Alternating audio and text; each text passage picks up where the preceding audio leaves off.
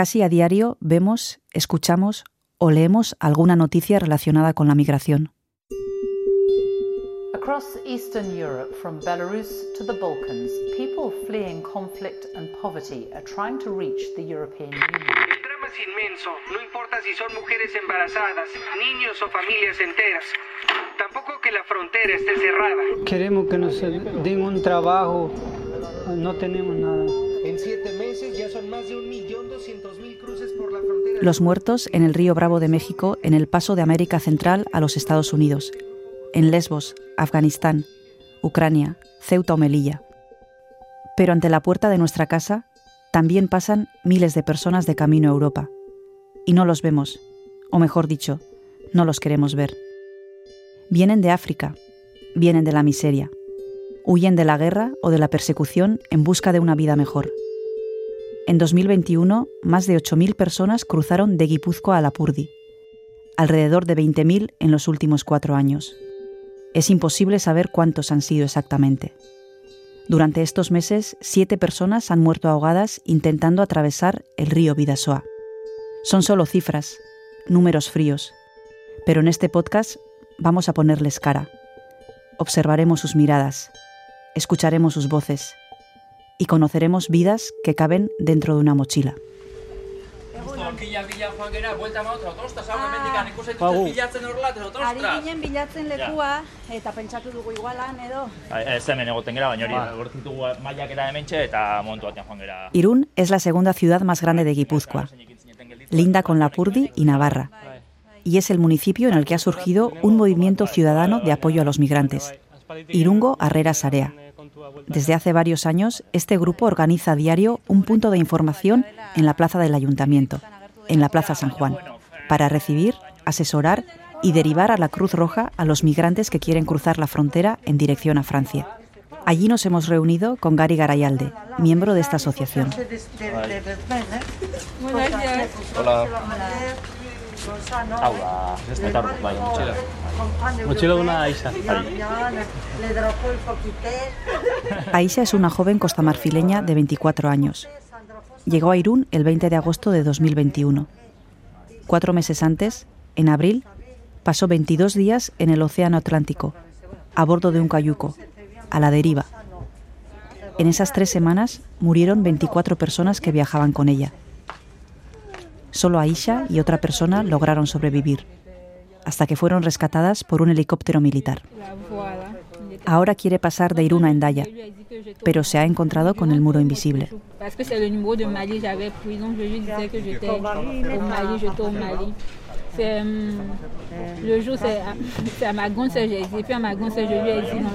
Todos los migrantes recorren un camino largo y tortuoso, y por desgracia, atados a esta frontera o a otra, no todos ni todas llegan al final del camino.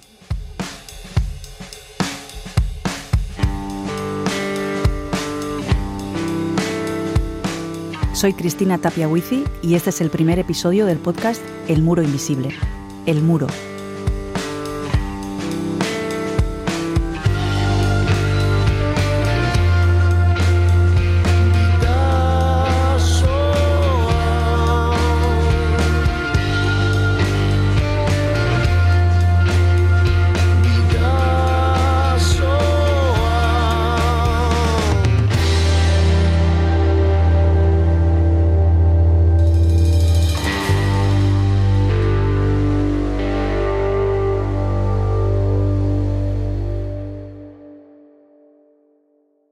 Soy de un pueblo llamado Vera, en Navarra, de la frontera. En nuestra comarca, en el valle del río Vidasoa, hemos sentido la presencia de la muga desde hace tiempo, y aún hoy la sentimos. Navarra y Guipúzcoa limitan con la Purdi a lo largo del río Vidasoa, pero también y muy especialmente los estados español y francés. Sí, yo crecí en la frontera. ¿Pero existe la frontera o no? ¿Y qué es? ¿Una frontera o un muro?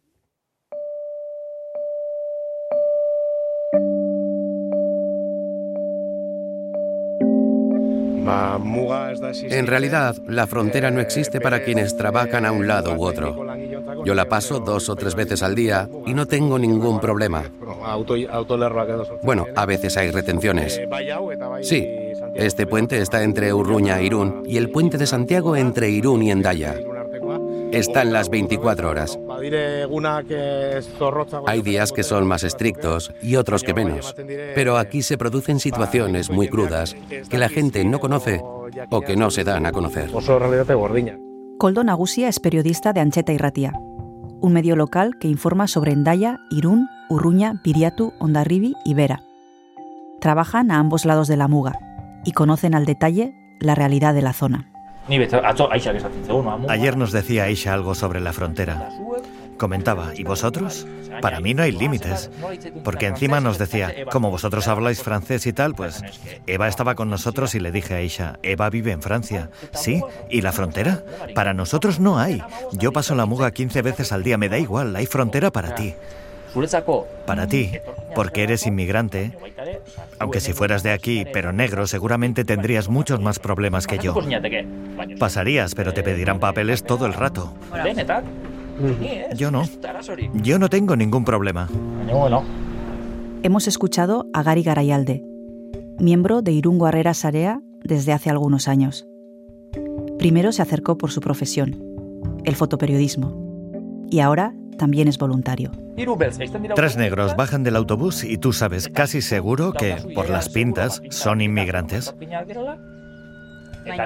Y tú quieres crear confianza con ellos para que vengan contigo a la Cruz Roja. ¿Qué les dices? ¿Cuál es la primera pregunta? ¿Eres inmigrante? ¿Eres ilegal? ¿Tienes un sitio para dormir? Cualquier pregunta puede ser muy violenta. Qué coño te importa? Y más para alguien que ha venido ilegalmente.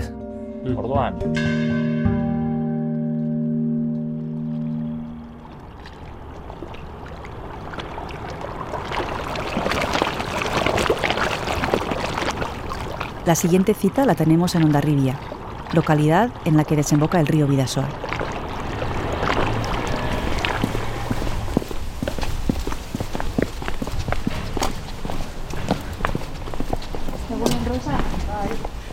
Hoy en día, muchos africanos pasan por Irún en su camino hacia Francia.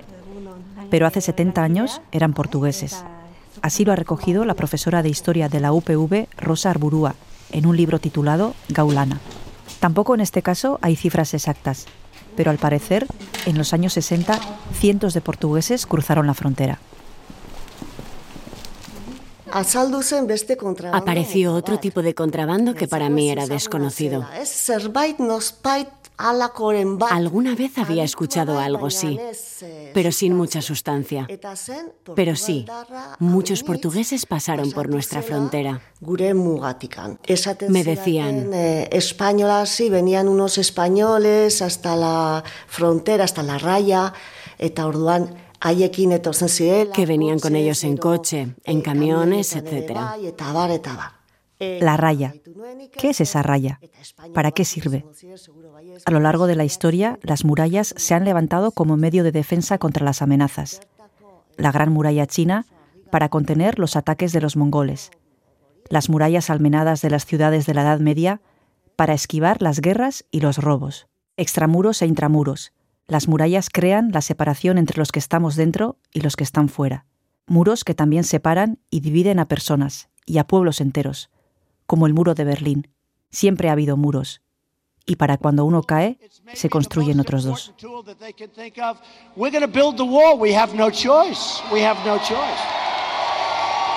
I would build a great wall, and nobody builds walls better than me, believe me.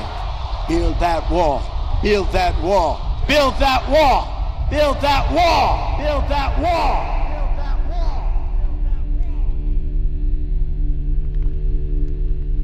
¿Y el nuestro? ¿Qué es? ¿Tenemos nosotros también un muro? ¿Cómo es? ¿Cómo funciona? Nos encontramos dentro de la Unión Europea, eh, una frontera entre dos estados. Eh, en el esto ligado con el contexto jurídico o institucional debemos entenderlo como que son dos estados soberanos pero que se enmarcan dentro de la Unión Europea que desde el año 85 y siguientes en teoría eh, se fueron eh, eliminando los controles fronterizos eh, dando lugar a una situación de, bueno, de, total movilidad, de, una, de la creación de una euroregión, donde los habitantes de esa zona se movían, comenzaron a moverse con cierta normalidad entre un territorio y el otro. Iker Barbero es profesor de Derecho Administrativo de la UPV. Él distingue dos tipos de fronteras. Por un lado, las que separan dos estados diferentes, por ejemplo, Estados Unidos y México, o la Unión Europea y Marruecos. Y por otro, las fronteras entre estados de la Unión Europea.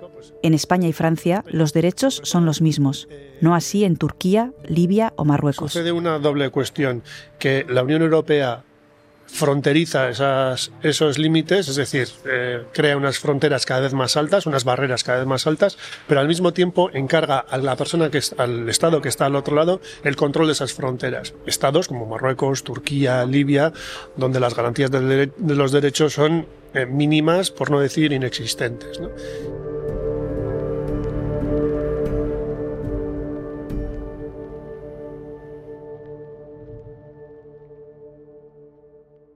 Desde 2018 se han extremado los controles en la frontera franco-española, y ha sido entonces cuando hemos empezado a ver migrantes. En opinión de Barbero, los controles no sirven para nada si no es para obtener una rentabilidad política. En términos de efectividad, los controles policiales no son efectivos cuantitativamente, es decir, al final acaba pasando todo el mundo, eh, si es eh, en dos días, en tres días, en cuatro días la gente acaba pasando. El cerrar una frontera siempre da lugar a, que se abran otras, ¿no? otras vías. Eh, por tanto, mm, yo no lo veo como efectividad. es imposible cerrar a cal y canto. Se pueden controlar algunos puntos que son mucho más, mucho más rentables para la policía, con menos efectivos controlan más, pero siempre darán lugar a que las personas acaben eh, o cruzando las montañas o los ríos, dando lugar a lo que hemos visto, ¿no? Muertes, heridas, eh, desapariciones y costes para las personas. Eh, Está claro que esto es una consecuencia de unas políticas concretas. Los migrantes van a hacer el camino sí o sí, pero se les ponen trabas y se les obliga a arriesgar sus vidas. En el Atlántico mueren cientos y en el río Vidasoa de momento ha habido tres ahogados. ¿Y cuántos se pueden quedar en el camino? Tragedia en aguas del Vidasoa. Sobre las 11 de la mañana, unos piragüistas han alertado de la presencia de un cuerpo en el río cerca de la isla de los Faisanes. Los servicios de emergencia han recuperado el cadáver. Un migrante que estaba intentando cruzar a nado la muga entre Gualde y Parralde. Gualde y Parralde. En el entorno de Darlaza, en la frontera entre Guipúzcoa y Navarra, eran las 11 de la mañana cuando un deportista que practicaba paddle surf ha encontrado el cuerpo sin vida de un hombre flotando en aguas del Bidasoa. Eun metro inguru daude irun eta endaia zeharkatzen dituen ibai honetan. Desde el pasado mes de abril son siete las personas que han fallecido de forma trágica intentando cruzar al otro lado. Aquí hemos cruzado los montes y los ríos desde hace mucho tiempo. Hemos transportado mercancías y personas de un lugar a otro.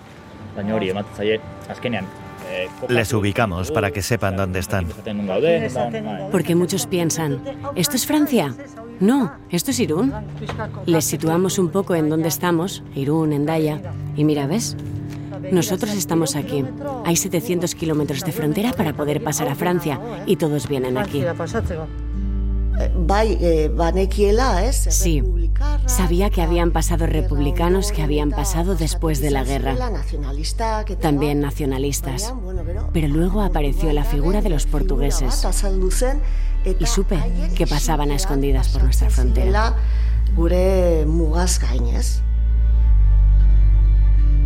Para eso han existido y continúan existiendo contrabandistas y pasantes, personas que cobran dinero por ayudar a otras personas a cruzar la frontera.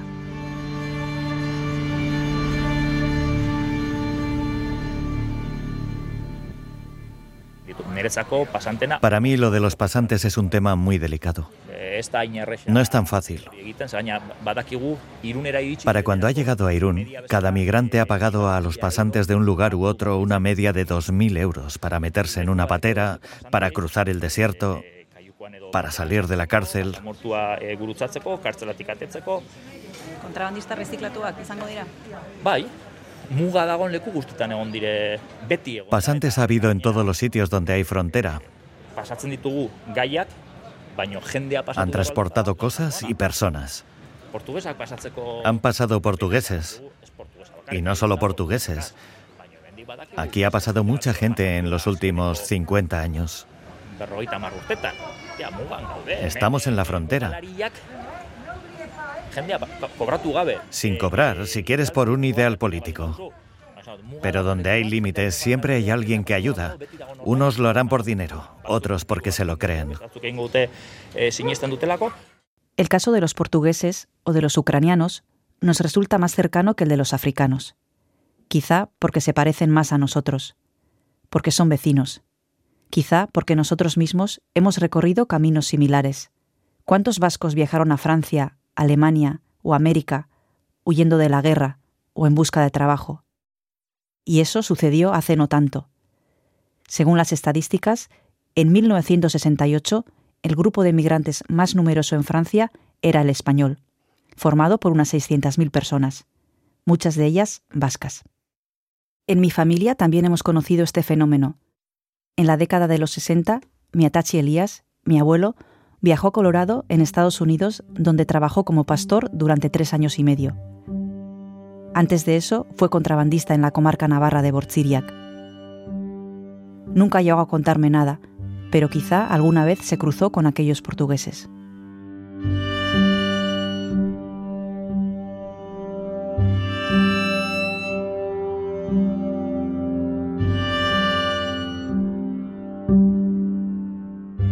Entonces, ¿por qué ahora es diferente? ¿Desde cuándo la frontera ha empezado a convertirse en una muralla?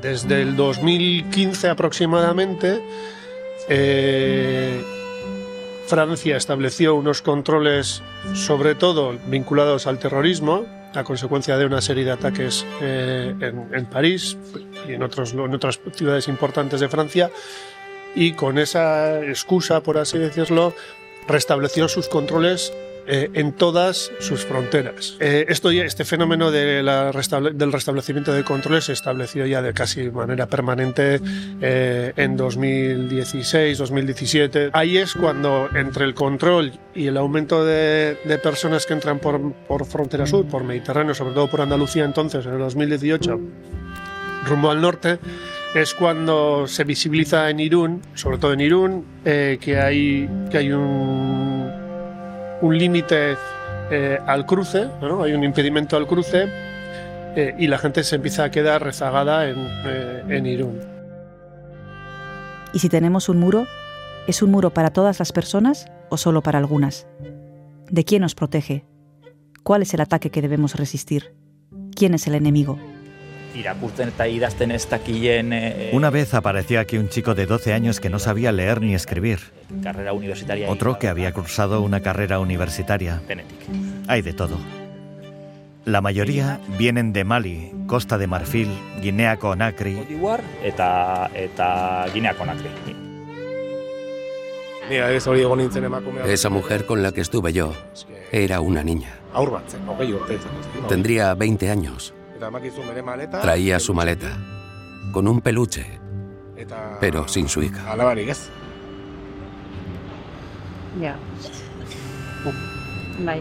Dakit. No sé. Salió en busca de una vida mejor. Y yo no sé cómo llegaría a ella. Pero su hija de dos años no llegó. ¿Cómo se asimila eso?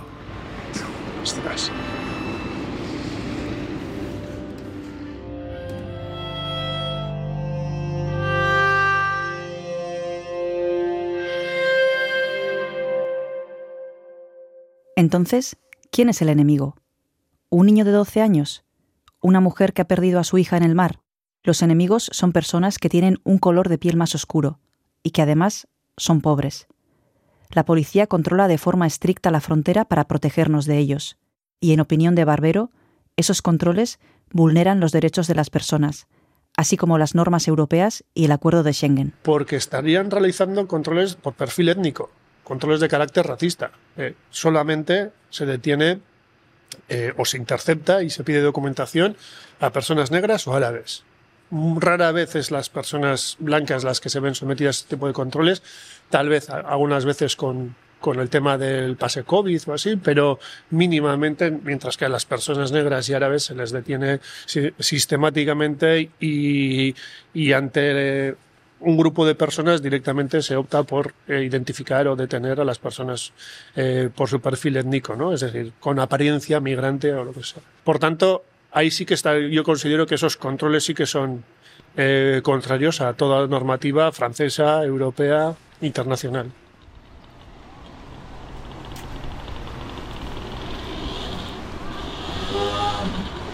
También gaude, Irunen, Esto es Beovia, Irún, y al otro lado del puente está Pausu, Urruña. Aquí, en el puente de Viriatu, hemos comprobado con nuestros propios ojos que la policía francesa realiza controles de tipo racista. Paran a todos los conductores cuya piel no es blanca y les piden los papeles. Además, rastrean las furgonetas sospechosas. Ahora están parando a esas furgonetas. Ese chaval joven de la furgoneta. Si tienes cristales oscuros, te paran y miran a ver si llevas escondido algo migrante.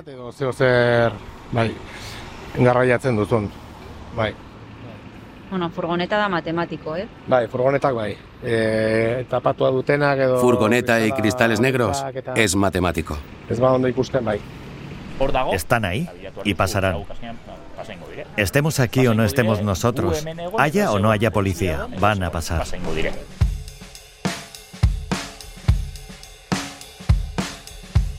La frontera es invisible. El muro es invisible. Muchas de nosotras y nosotros no lo vemos. Para la mayoría no existe. Pero la muralla está ahí. Y por muy invisible que sea, ella sí que ve. La muralla ve el color de la piel.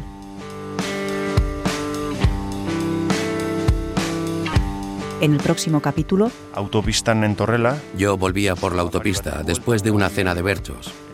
Cuando estaba a punto de llegar a Beovia, vi a unos jóvenes. Una docena, con mochilas pequeñas, caminando por el arcén en dirección a San Sebastián. Justo antes había visto a tres africanos retenidos por la policía cuando esperaban al autobús. Seguí en coche y vi otro un poco más lejos mirando a la policía.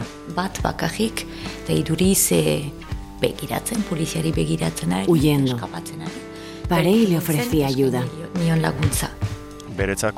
De alguna manera, para él contar significaba revivirlo, y yo me percataba de que dirigía la mirada hacia otro lado, y él estaba allí, sumergido.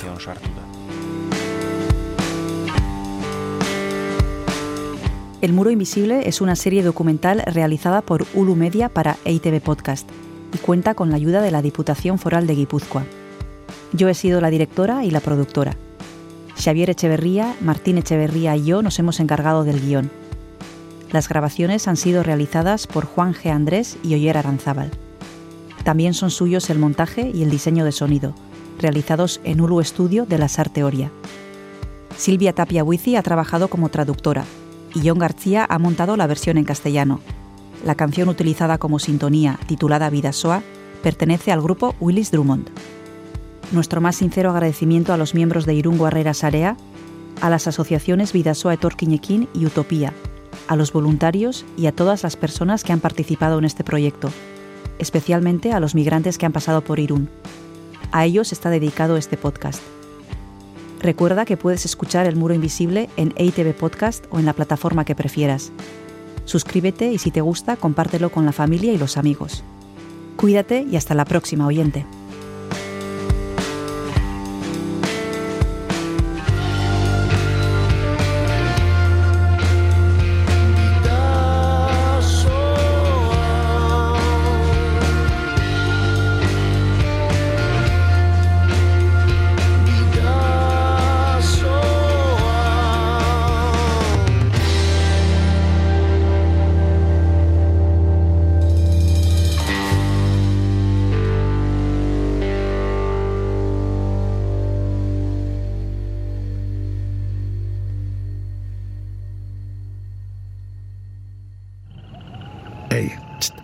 erantzun hori.